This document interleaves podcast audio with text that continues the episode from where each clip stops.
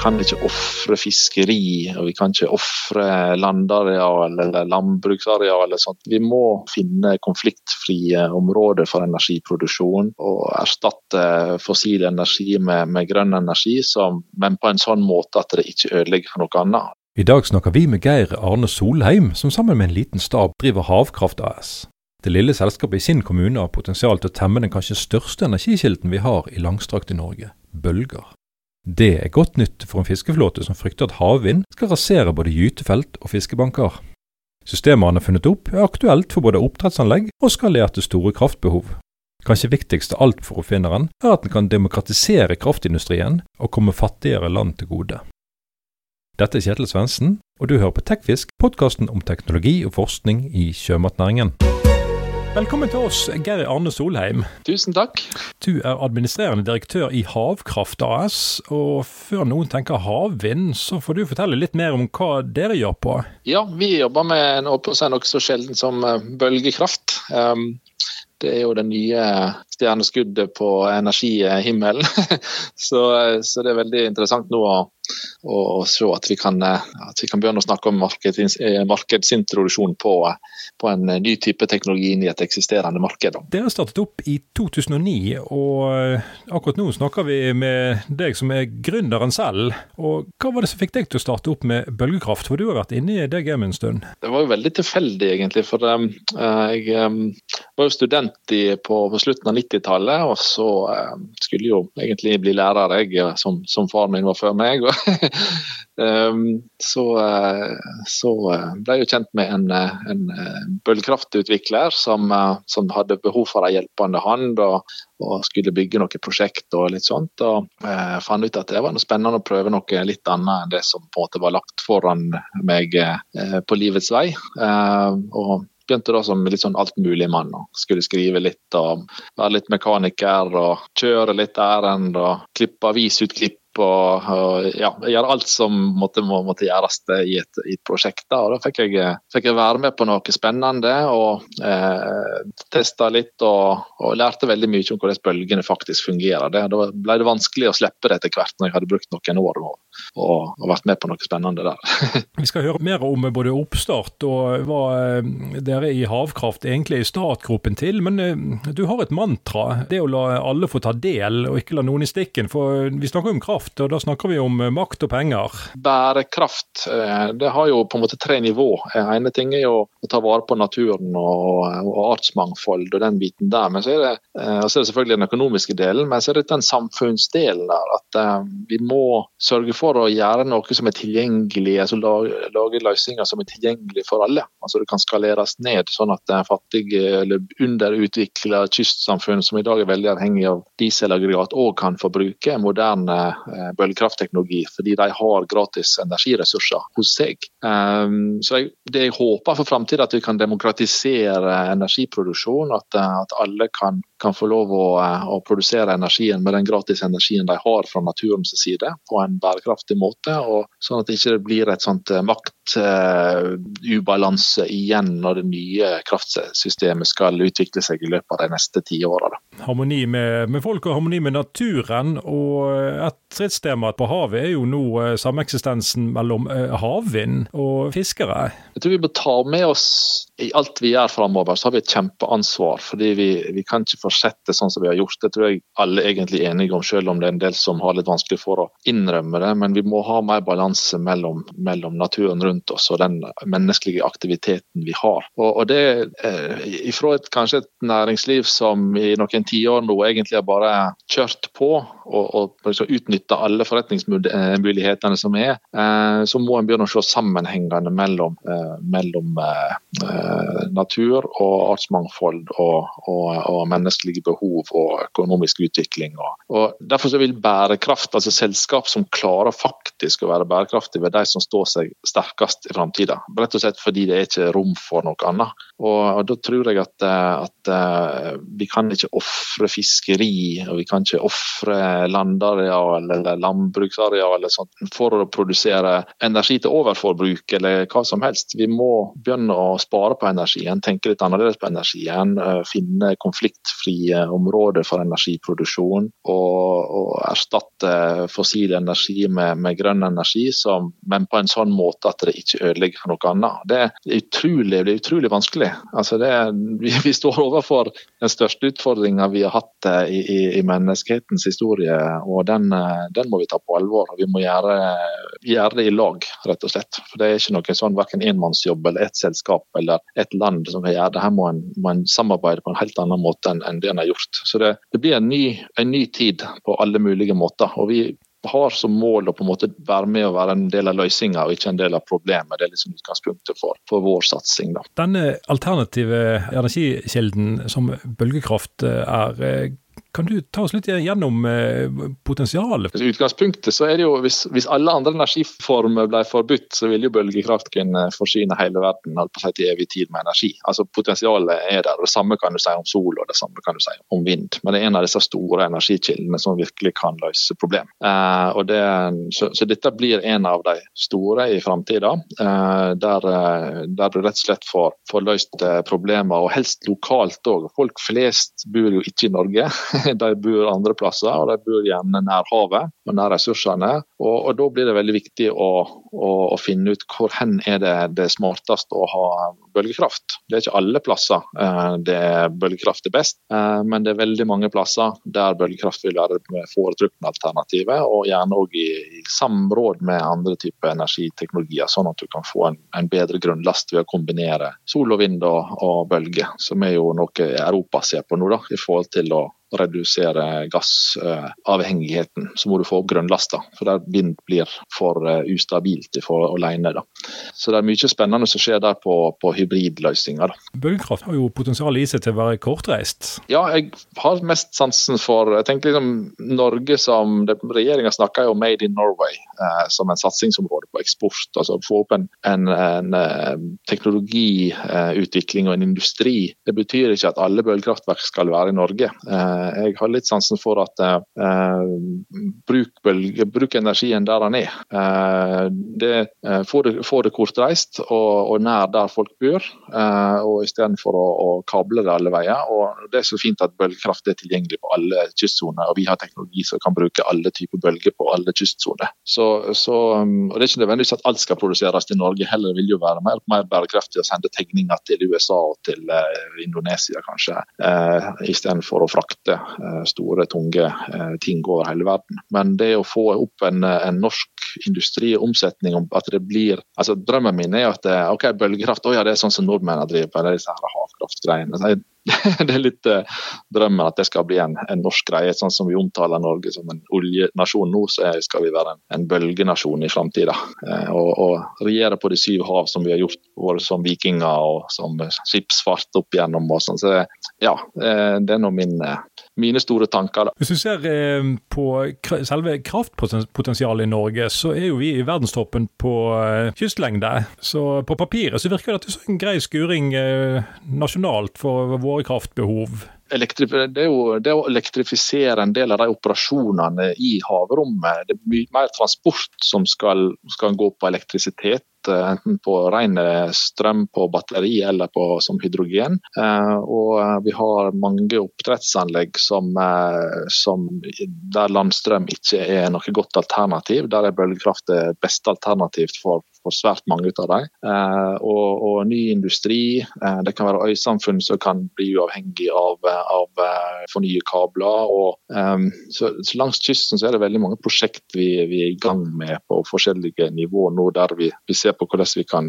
fase inn for å, for å elektrifisere ting som utgangspunktet kanskje går på diesel, eller om det er nye ting. Altså Mye, mye ny oppdrett som òg skal vokse, blir jo mer og mer utsatt. Og skal være lukka anlegg med store kraftbehov og sånne ting. Og det, har, det, det, er et voldsomt stort veksende marked for, for lokal energi der Bølge er rett i nærheten og vil være det foretrukne alternativer. Jeg leser selv at bølgekraft har potensial til å yte fem ganger det man kan hente ut av solenergi, og igjen fem ganger det man kan hente ut av vindenergi. Spørsmålet hvor, hvor plasskrevende er dette her? Vindenergi er jo omdiskutert mye av den grunn. Ja, altså Når du ser på energitettheten, så er det jo sola som har produsert, som lager vind. og så er det vinden som lager bølgene. Så Bølgekraft er jo et høykonsentrert solbatteri, som jeg bruker å kalle det. Eh, så det er ikke bare en energikilde på den måten, det er jo allerede lagra eh, energi. Da er det veldig stabil energi over, eh, over. Det forutsigbart og det er stabilt relativt sett. Og da, så areal i forhold til Hvis du lå på en god bølgelokalitet og du skulle erstatte det med flytende sol, så ville flytende sol bruke 50 ganger mer areal. Og, og vind ville tilsvarende å bruke fem ganger mer areal.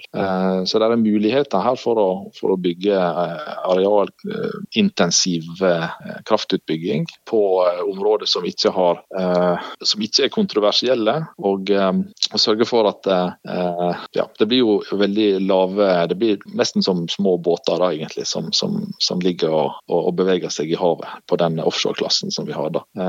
Så, så jeg er veldig opptatt av det å få i gang en nasjonal plan for hvordan vi kan få gode prosesser rundt, eh, rundt eh, konsesjonsbehandling. For um, det har jo vært veldig mye konflikt rundt spesielt vindenergi på land, som har vært veldig mye konflikt rundt fordi mange sier prosessene har vært dårlige. Og, og jeg tror at um, Får vi gode prosesser, finner lokaliteter som ikke er til skade verken for gytefelt eller for koraller eller for, for uh, fiskeri eller turisme eller andre ting, så, så, så har vi såpass du sa, lang kystsone at det skulle være mulig å, å, finne disse lokalitetene. Ofte er det kanskje bare et lite anlegg som skal ligge ved siden av et oppdrettsanlegg, og som ikke har noen konsekvens for, for noen. Um, og Så kan det være at det er kanskje noen som ønsker å bygge større parker. Da, må, eh, må en, finne areal for det som, som, som, gir mening, som bidrar til løsninger og som ikke bidrar til problemet. Så Der har vi utfordra myndighetene fra toppen og, og nedover for å begynne å tenke på det. Eh, for En må begynne å mobilisere nå eh, i Norge hvis en har tenkt å få, en, få den type energiproduksjon inn som en del av miksen. Hvis vi tar et skritt tilbake og ser hva som har skjedd opp igjennom i bølgekraftens historie, så har jo mange av oss hørt om bølgekraftverket i Øygarden utenfor Bergen. Hva gikk egentlig galt med bølgekraft? Du kan si at det har gått galt, men jeg tenker det har vært en utvikling eh, over, over, lang tid. Det er jo en veldig høykonsentrert energiform som krever at du har tunga beint i munnen og tikker alle boksene. Altså, du kan ikke hoppe over et ledd uten at du blir straffa for det, det, Så jeg tror veldig mye av det som har vi gjort, av bana vei for løsninger senere, som har vært positive. Mens eh, et hovedproblem har nok vært en utålmodighet og en tro om at en kan kjøpe seg ut av det. At en, et stort selskap med masse ressurser kan få en maskin til å fungere uten at den egentlig fungerer. Eh, det, det tror jeg var et, stort problem. Eh, det, det handler til sjuende og sist om, om, at du har et produkt som kan fungere. og Hvis en ikke gjør det, så kan du sette, sette alle mann på, sånn som Askeladden, at du kan sette 300 mann på og springe til verdens ende. Men hvis du ikke er rask nok, så er det ikke det hjelper. Så, så jeg tror nok eh, spesielt de siste åra vært veldig mye sånn Med en gang det har vært litt oppmerksomhet rundt det politisk, så har alle mobilisert, og så har ikke en egentlig vært rigga for å ta den tida det tar å gjøre hjemmelekser skikkelig. Men uh, det har jo vært en drøm veldig lenge, fordi folk vet jo at bølgene inneholder mye energi. og det har jo faktisk vært brukt eh, bølgekraft siden 1800-tallet til små operasjoner, og tåkelurer og litt forskjellig. og En god del prosjekt som har fungert, men som ikke har vært lønnsomme. Så det, det, å lage bølgekraft det klarer jo et sånn skoleprosjekt på barneskolen å få til. Men det å lage lønnsom og kunne skalere det og sånne ting, det er litt sånn avansert. Det er mange faktorer som skal spille. Derfor så har vi prøvd å utvise en, en tålmodighet en respekt for naturressursene og for tida det tar, og rigge oss for et langt løp. Og prøvd å tenke de beste tankene og ha de beste patenter og sørge for at de faktisk funker før vi går i sjøen og, og sånn, så ja, Det har iallfall vært vår eh, approach. da. Eh, og, men Det har vært spennende å følge med på, på, andre prosjekter. Vi heier jo, for vi trenger jo en industri opp. Sånn, så vi prøver å heie. og Det er blitt en sånn liten sånn klikk med selskap som, som, eh, som en, en, omgås av og til. og, og sånt, og Det er en del utviklere som har vært på kontoret her og diskutert. og sånt. Det er hyggelig å diskutere felles utfordringer. for Det viktigste av alt er jo at vi faktisk løser det. At vi faktisk kan få bølgekrafta inn som for å hjelpe til med å løse de utfordringene vi har. Så, eh, så, det er litt sånn, ja, Noen, eh, noen av oss eh, heier, heier på bransjen òg, og ikke bare på eget selskap. Da. Så Når det gjelder, når det gjelder eh, Kverner sitt på, på, på Tofteskallen, så, så fungerte for så vidt det prosjektet helt Det var, det var, det var jo designa litt for svakt. da. Det hadde jo fungert i, i dag òg, hvis det hadde vært bygd sterkt nok. Men det ville nok ikke ha vært lønnsomt. Det finnes et prosjekt på Azon som er lignende Siemens hadde et prosjekt på, på Eile i Skottland og sånt av, den samme, litt samme typen. og sånn, så De blir for lite e-, effektive, da, for de tar ikke ut nok av energien. Eh, men fungerer ganske greit. Da. Det er jo ulike typer tilnærminger til å hente ut denne kraften fra, fra bølgene. Uh, ulike typer mm. bølgekraftverk og ulike teknologi. Jeg eh, leser meg opp på linjeabsorbator og svingende vannsøyle og punktabsorbator. Kan du ta oss litt gjennom det? Ja, det som Kværner hadde, det var jo den svingende vannsøyle. Det var ett kammer som var dukka ned i sjø, og så skulle da bølgene svinge opp og ned og lage trykk og vakuum eh, av trykkluft, eller eh, av lufta. da. Eh, det er på en måte det enkleste prinsippet, og kanskje det som er det, beste prinsippet. Og Så har du punktabsorbatorene, det er kanskje det det er mest ut av. Det er disse her gule bøyene som en ser i mange forskjellige varianter, som har en kabel ned og så skal den ligge og strekke, og så har den mekanisk bit inni og, av litt forskjellige art. Og Det har jo begynt å å, levere eh, eh, forskjellige prosjekter rundt i verden, installerte og sånt. og Det er jo allerede tre selskap på børs på, på bølgekraft òg. Så dette, det, bransjen har begynt å sette seg litt. Da, og da er jo punktabsorbator en sånn type løsning som har begynt å, å vise seg litt fram. Da. Um, så har du en del som er mekanisk eh, overførbare, der en blir løfta og senka av, av, bølgene. og litt sånn som er litt skeptisk til bevegelige deler i kontakt med, med sjø. Da, uh, for det vil ikke ha kanskje den levetida som, som trengs. Uh, så det vi tror, og det vi har gjort, eh, det er å, å, å tenke levetid. En ting er å få høy virkningsgrad, som er viktig, men så skal det òg ha høy virkningsgrad over lang tid. Uh, da krever det at du skal ha minimalt med vedlikehold. Så det har vært en sånn simplicity har på en måte vært plakaten som måtte henge på veggen hele tida. Hold det enkelt, hold det, og hold det Ikke tenke for avansert. Det passer meg som er en enkel sjel. Så, så. Noen av disse eh, strømgeneratorene de eh, er forankret i bunnen, og andre er på flåter. og Det systemet som dere har utviklet, eh, er jo den sistnevnte typen. Fortell oss litt rundt hvordan ideen oppsto, og hva, hva, den går ut på. Ja, altså Utgangspunktet mitt var når jeg begynte å utvikle det her sjøl, så var det at at jeg har liksom, tro på svingende vannsøyler, men jeg har også sett at det, det, har ikke vært nok bare å ha et kammer. Så når jeg begynte å utvikle de patentene, så var det kan vi klare å lage en elegant design som kan ta ut hele frekvensspekteret. Da har jeg tenkt litt sånn i forhold til en høyttaler. Altså en, en god høyttaler har flere element, altså diskant og mellomtone og bass, som sender ut bølger. Bassen den sender ut de store, dype bølgene nede, og så har du eh, mellomtonen, og så har du diskanten, er de små små hyppige bølgene på toppen. Og, og En god høyttaler den, den, isolerer lydene og gir deg en god, behagelig lydopplevelse. I motsetning til en liten mobil eh, mikrofon som skal sende ut alle frekvensene på én. Eh, og Det vi har gjort med, med bølgekraftverket, er rett og slett å, å gjøre det motsatt. Da. At vi, vi, vi splitter opp frekvensene, og så får vi behandla de, de, litt større, lengre bølgene på ett kammer, og så tar vi de små bølgene på ett kammer, og så kan vi optimalisere produksjonen på de forskjellige frekvensene. Da, eh, da, får, vi en, da får vi mye bedre kraftproduksjon for høyere virkningsgrad, og så får vi produksjon over hele året, der det, så lenge det er bølger i havet. Eh, så Det er hovedprinsippet. da, eh, så Det går jo på den svingende vannsøyla. Så, Så, så vi har jo to klasser. da, Vi har en nearshore N-klasse, som vi kaller det, og nearshore-klasse, og så har vi en offshore-klasse. Nearshore-klassen den ligger på litt mer litt områder der det ikke er så veldig mange lange bølger.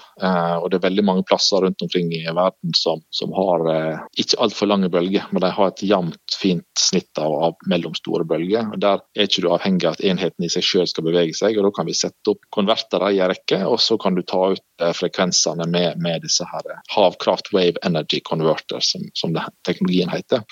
Men når du skal litt lenger ut på havet, så vet jo de som har vært båt, at du får disse lange lange bølgene, på en måte de store bevegelsene. og sånt. De, de, lange bølgene går jo på en måte under det her frekvensspekteret. Eh, og Det vi må gjøre da, er å sørge for at vi, vi, eh, vi har en semisub-plattformløsning som responderer på de lange bølgene, sånn at den vil pitche og duppe hele kraftverket ned og opp eh, i motfase mot de lange bølgene. Sånn at da produserer du disse her vannstemplene, de blir forsterka, og så produserer du mer energi ut av det. Så du har et, på en måte en dual power system da, som, som, eh, som, tar ut mer energi, fordi vi utnytter også, da, eh, enheten som en punktabsorbator. Så da kombinerer vi egentlig svingende vannsøyle og punktabsorbasjon, og får da det som er den beste løsninga i verden. Da. Så det er litt spennende å, å, å, å røre i det vannet der, bokstavelig talt. du røpet før vi startet at du har jobbet med, med, med lyd. Er det noe du henter inn i det her? Ja, altså vi, eh, vi eh, spiller jo spiller heavy metal-band, og der er det mye lyd. og jeg spiller både bass og tromme og skriver låter og musikk og tekst og sånt. Og det er litt sånn spennende når vi da skrur på og skal liksom mikse og mastre en, eh, en plate, så, så, ser vi at ja, mens isolerer vi det, så, så klarer vi å plassere frekvensene i lydbildet, eh, sånn at det ikke konkurrerer med hverandre. Så får du et mye mer behagelig sånt. Det, sånn er det òg med kraftproduksjon. da, at Hvis du ikke konkurrerer om de samme, du skal ta alt i, sånn, skal du ta alt inn i ett kammer, så blir det mye Da funker den bare bra på et lite tidspunkt punkt. Nesten som en klokke som står i ro. Den har rett to ganger, to ganger i døgnet. Mens uh, vi vil ha noe som er smooth hele tida. Uh, uh, så det blir, det blir, litt sammenlignbart med, med, med musikken. Så, så, det er jo det litt ekstra artig da, å se sammenhenger. At ei bølge er ei bølge, om det er gjennom vann eller gjennom luft. Så, så, har du en del felles kunnskap om det. Spennende. Og en annen ting som er dynamisk, er jo denne modultankegangen deres. Det er jo jo, det er jo det at det er absorbasjonsbredde. som på en måte er En ting er at du kan gå ned i dybda og hente frekvensene, men så kan du da oppskalere i bredda. Eh, så eh, Bølgekraft er jo ofte oppgitt eh, i kilowatt per meter. Da er, det, da er, det, målt hvor mye energi over året på et spredningsplott. Da du putter inn alle sjøtilstandene over et år, og så får du ut et snitt over året eh, på en lokasjon. Og Det kan være 20 kW per meter i snitt. Eh, så er det spørsmål hvor mye du klarer over år å hente det. Men da er jo noen nullperioder, da har du ingen produksjon. Og så kan det være noen perioder som er ekstreme med 1000-1500 kW per meter, som du ikke kan få benytta deg av. Eh, men det handler om å få mest mulig av året til å produsere på en fornuftig måte. Og, og da ønsker du å se på en lokasjon hva det er mest sjøtilstander av, og så kan du da tilpasse størrelsen på enheten eh, i forhold til lokasjon. Og så kan du bygge ut uh, flere enheter, du kan ha flere konvertere på rekke ved siden av hverandre, eller flere isolerte enheter, eller sjøl altså, båter alt på seg ved siden av hverandre som kan, som kan uh, bruke bredda.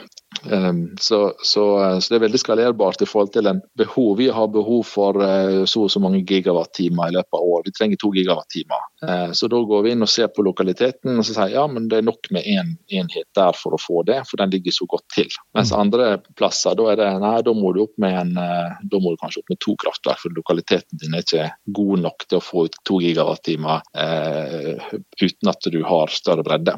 Så, så, um, så det er veldig skalerbart sånn i forhold til å møte kraftbehovet. Da. Dere testet den første prototypen i 2015. Eh, har det vært dyrt kjøpt lærdom siden den tid? Nei, altså, vi har egentlig bare, det går har egentlig bare gått én vei hele veien. Og det er sakte framover og oppover. med, med, vekt på på sakte. Da. Altså vi, vi, har fått eh, både testa altså produsert strøm både på 10 cm bølgetank, og vi har produsert strøm eh, off-grid på 12 meter bølge på Stadhavet. Og vi har, nå i Ålesund så har vi produsert vi på nett i, eh, i eh, sånn middels eh, eller litt svake bølgeforhold. Da. Så, så, så det er godt testa og godt utvikla. Det er jo Bosch-generatorer og Bosch-elektronikk og sånt velprøvd. Så det er mest mulig hyllevare. Da. Så vi prøver å introdusere minst mulig nye ting i, i konstruksjonene. Da, for, å, for å gjøre det, redusere risiko og, og øke levetida og gjøre det servicevennlig. Hvis en eh, installasjon er testet på Stadhavet, så skal man tåle det meste? Ja, det vi tenkte litt sånn if you make it there, you'll make it anywhere. så, så, så, det var jo en prøvelse. Kanskje min uvitenhet om hvor tøft det var, så jeg sov jo ganske godt. Da, med de som kanskje hadde litt mer båterfaring, og sov kanskje litt dårligere når det var orkan. Men, eh, men det, det funka. Så, eh, så, det var nå en Da visste vi på en måte òg at hvis vi ikke hadde gjort det i fullskala på Altså det var jo garantert verdensrekord da, i forhold til det store og utsatte seg for store bølger. Um, og Hadde ikke vi gjort det, så ville vi sagt at ja, ja, dere kan produsere sånn på milde forhold, men hva hadde, dere, hva hadde skjedd på Stadhavet? ja. Så vi måtte på en måte bare like godt eh, demonstrere det i en, i en stor skala.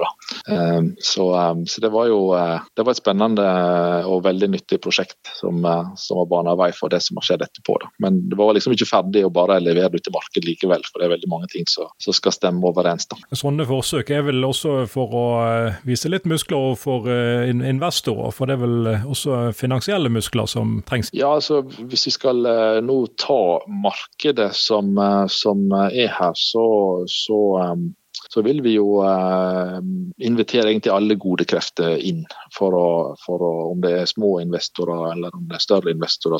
For, å, for å skape, eh, skape et eh, Gripe den industrimuligheten som ligger der. Da. Og vi, vi, har jo ikke markedsført oss internasjonalt. Det har vært, hatt noen TED-talk og litt sånne ting. Og da, men, men vi har jo holdt på å si nå i det siste i hvert fall daglig kontakt eh, fra hele verden med folk som er interessert i prosjekt og, og kjøp. Og, eh, det er Bare påska så var det vel både Colombia og Chile og India og Italia og og eh, Oman og Ja, det, det, det er ganske ekstremt ekstrem interesse for det. og det, det, er noe nytt. Men det er jo rett og slett fordi folk er litt mer vant til å se på energikilder og ikke på teknologien. Før så var det kanskje du kjøper et produkt fordi det er en merkevare på det, mens nå ser du utenfor stuedøra di og sier ja, men vi har jo bølge, vi må ha bølgekraft. Og så går de inn og så leter de etter folk som har bølgekraft, og så dukker vi ofte opp. Eh, selv om vi er minste selskapet og minst reklamebudsjett, og, eller vi har jo ikke det i det hele tatt. Eh, så, så, eh, så det likevel en god del som snakker, fint om oss. Det var jo en var jo en sånn eh, LinkedIn-diskusjon nå eh, i påska som var veldig interessant. Det var en 3000-4000 eh, likes og masse kommentarer og diskusjoner. så Det hjelper jo veldig på da, i forhold til å, sette det på kartet. så er vi jo blitt støtta av Innovasjon Norge, og vi er kjent i det politiske miljøet og har støtte i absolutt alle partier. Vi har ikke møtt noen som er negative. så vi håper på en måte det at vi har oppført oss Eh, bra og fått på en måte en god, eh, en god prosess eh, eh framover. Så må vi bare ha is i magen og sørge for at vi beholder den gode prosessen framover og gjør de riktige tingene. Hva blir neste milepæl nå?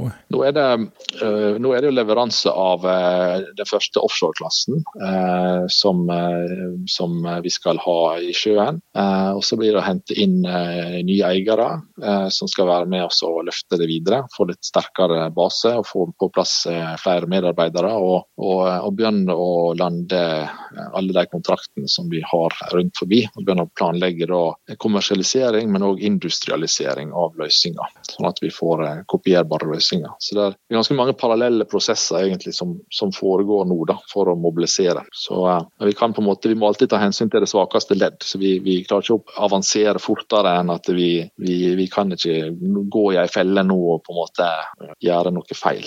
Så, så det bli en, en, veldig spennende fase, faktisk. Så kjekt for meg òg som har vært med og utvikla det over lang tid, at det er en ny, en ny type eh, retning nå, da. Du nevnte at dere skal bli flere. Hvor, hvor mange ansatte har dere nå?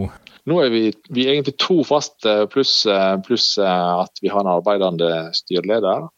Så vi er veldig sånn skeleton crew, egentlig. da. Vi har akkurat det vi trenger for å, for å holde det gående. Og så er vi veldig har vi veldig mye partnerskap. da, sånn eh, Bosch-apparatet og, og, Elpro og Maritime Engineering. Og, som, eh, sånn at vi har et stort apparat med folk. Og Statoil Tank er en, en, del her i Deknepollen, som vi har, har hjemme. Så, så har vi òg lokal kompetanse. og sånt. Så, så kompetansesida så har har vi, alt det vi trenger av av teknisk kompetanse for å utvikle det. Hvis du ser ti år frem i tid, hvordan ser selskapet ut, og hva har dere gitt verden? Det viktige for oss er at hvis vi skal bety noe for verden, så må vi bli stor. Vi må, altså, om vi leverer tre bøllekraftverk og det er best i verden, så betyr det ingenting. Eh, vi må levere tusenvis av kraftverk. Vi må bety noe. Og, så Målet vårt er å bli selve standarden eh, på bølgekraft, og, og, bli det største bølgekraftselskapet i verden. Og, og sørge for at vi, vi har leveranser i alle markedsområder og til alle typer eh, kunder, alle markedssegment. Så om ti år så skal vi ha kommet, eh, eller må vi ha kommet veldig langt òg. Eh, fordi verden trenger, trenger stor fart framover. Og vi, vi, forventer vel egentlig en eksponentiell vekst, i hvert fall hvis vi da klarer å få organisasjonen til å, til å følge med. Så vil det på en måte bli sånn to, fire, åtte 16, 32, 64, 128 altså mm. anlegg som blir levert. Da. Eh, det er det som er, er, målet. Det er det som har skjedd med, med vindkraft og, og, og, sånne ting òg. At det, når det først tar løs, så så er behovet så stort at det, det, det tar av. Så, um, så, vi må rett og slett bare satse på å bli store. og Det er litt sånn rart å sitte og være et lite selskap og snakke om å bli stor, på en måte. Men det skal vi jo gjøre med partnere som virkelig har løfteevne, og, og, som har gjort det før òg, så, uh, så, jeg er ikke så veldig bekymra for den biten. Det er mer sånn ja, må, Det er bare noen med peiling på eskalering som skal ta den, den jobben. Da. Det viktigste for oss er at vi sørger for at teknologien er, er best i markedet og, og, og leverer på en bærekraftig måte. Hvordan eh, sikrer du at mantraet om å la alle få ta del overlever også med nye eiere? Ja, altså, jeg tror designene er designa for å kunne leveres til små, så det vil på en måte vanskelig å designe seg vekk fra det at du kan levere et lite kraftverk. Det vil du alltid kunne gjøre. og Da vil du alltid kunne kjøpe det i, i så, så det er designa for å være demokratisk. Ja. Så, så, Derfor så tror jeg at uansett hvem som eh, blir hovedaksjonær eh, i framtida, så, så, vil det alltid være mulig å kunne bruke Havkraft sine kraftverk til, til alle mulige eh, formål. Og, og, så vil det jo bli et bruktmarked etter hvert. og Her er jo snakk om anlegg som kanskje skal ha en 100 års levetid, hvis det blir bygd i kompositt. og Da vil det jo være, ha, være like effektiv om, om 50 år som, som, i dag. og Det vil jo representere noe nytt, men det vil òg være en mulighet for et andrehåndsmarked og på et leasingmarked og, og forskjellig. Så jeg håper at, eh, at, eh, verden vil se at det er god business er å gjøre godt for verden, og det å gjøre det tilgjengelig for de som virkelig trenger det òg. Eh, selv om kanskje ikke betalingsviljen eller evnen er alltid best der, så er det å ha, å ha leveranser til alle typer marked, det tror jeg er lurt og, og sunt for en forretningsmodell. Så jeg, jeg, føler meg litt sånn trygg på at det, skal, det mantraet skal leve. Du har hørt Tekfisk? Podkasten om teknologi og forskning i sjømatnæringen.